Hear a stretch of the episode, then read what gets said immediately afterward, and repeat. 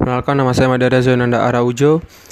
NIM saya 191100217 Kelas A3 Hukum Tata Negara. Pada kesempatan kali ini saya akan memberikan penjelasan mengenai unsur pembentuk negara mengenai perspektif hukum tata negara, hukum internasional, dan Hans Kelsen.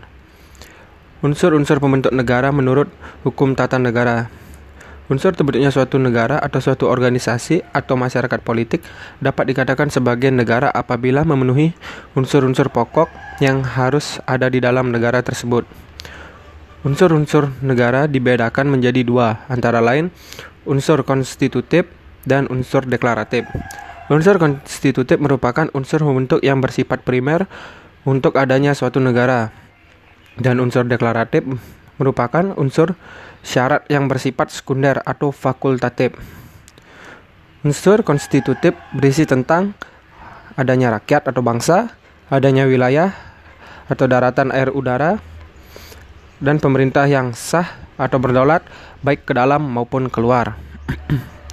Unsur deklaratif berisi tentang pengakuan dari negara lain, Negara memerlukan pengakuan dari negara lain karena menyangkut keberadaan suatu negara. Apabila negara merdeka tidak diakui oleh negara lain, maka negara tersebut akan sulit untuk menjalin hubungan dengan negara lain. Unsur-unsur pembentuk negara menurut hukum internasional. Negara merupakan subjek hukum terpenting dibandingkan subjek hukum internasional lainnya. Sebagai subjek hukum internasional, negara mempunyai hak dan kewajiban menurut hukum internasional. Dalam hukum internasional, dikenal dua macam pengakuan suatu negara, yaitu pengakuan secara de facto dan de jure. Pengakuan secara de facto merupakan bentuk pengakuan suatu negara terhadap negara lain dengan berdasarkan pada kenyataan yang menyatakan bahwa negara tersebut sudah memenuhi syarat-syarat terbentuknya negara seperti adanya wilayah, adanya rakyat, dan adanya pemerintah yang berdaulat. Sedangkan Pengakuan secara de jure merupakan suatu bentuk pengakuan yang dinyatakan secara resmi oleh negara lain dengan didasarkan pada kaedah-kaedah yang diatur dalam hukum internasional terkait keberadaan suatu negara baru agar bisa diterima sebagai anggota bangsa di dunia dengan segala hak dan kewajiban yang melekat.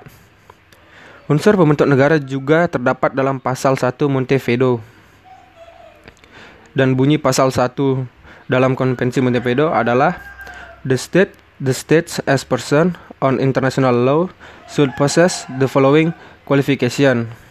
Yang pertama, a permanent population, a defend territory, a government, a capacity of enter into relation with other state. Unsur-unsur di atas juga dikemukakan oleh Oppenheim dan Luther Peck. Yang pertama, harus ada rakyat atau penduduk, adanya daerah atau wilayah, adanya pemerintahan, adanya kemampuan untuk mengadakan hubungan dengan negara lain. Selanjutnya dan uh, negara harus mempunyai kemampuan internasional dan negara harus merdeka. Unsur-unsur pembentuk negara menurut Hans Kelsen. Menurut, menurut Hans Kelsen, negara merupakan suatu susunan pergaulan hidup bersama dan negara merupakan suatu tata paksa. Menurut pandangan Hans Kelsen, bahwa negara sebagai personifikasi tata hukum nasional menunjukkan negara diidentik, diidentikan dengan hukum. Dan pemikiran Hans Kelsen menurut negara bahwa hakikat negara sebagai personifikasi dari tata hukum nasional sehingga tertib hukum tidak ada bedanya. Unsur-unsur pembentuk negara menurut Hans Kelsen yang pertama yang pertama adanya masyarakat atau rakyat atau people the people of state. Yang kedua wilayah atau the territory of state. Yang ketiga adanya pengakuan kedaulatan. Yang keempat adanya kewajiban pertanggungjawaban pemerintah. Yang kelima adanya hukum yang bersifat mengikat.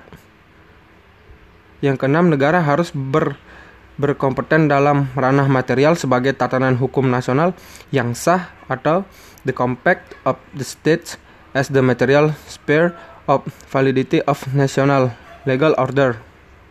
Yang ketujuh, adanya hak dan kewajiban yang mendasar pada negara.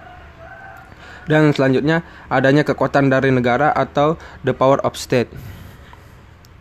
Itulah pemaparan penjelasan mengenai unsur pembentuk negara menurut perspektif hukum tata negara, hukum internasional, dan Hans Kelsen.